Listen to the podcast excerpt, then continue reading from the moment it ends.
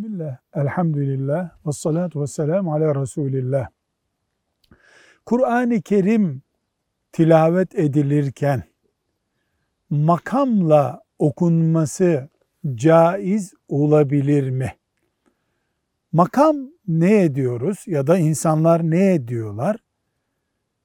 Müzik terennümünü bir takım kurallarla tekrar etmeye makam tutturmak deniyor. İnsanların duygularına daha çabuk hitap etmesi açısından etkili. Mesela işte Hicaz makamı, Üşşak makamı bunlar daha duygusal oluyor, daha iç e, hissiyatı kabartıyor gibi nedenlerle tutulur bunlar. Ama Kur'an-ı Kerim Allah'ın kitabıdır. Güzel sesle okunur da insanın uydurduğu makamla okunmaz.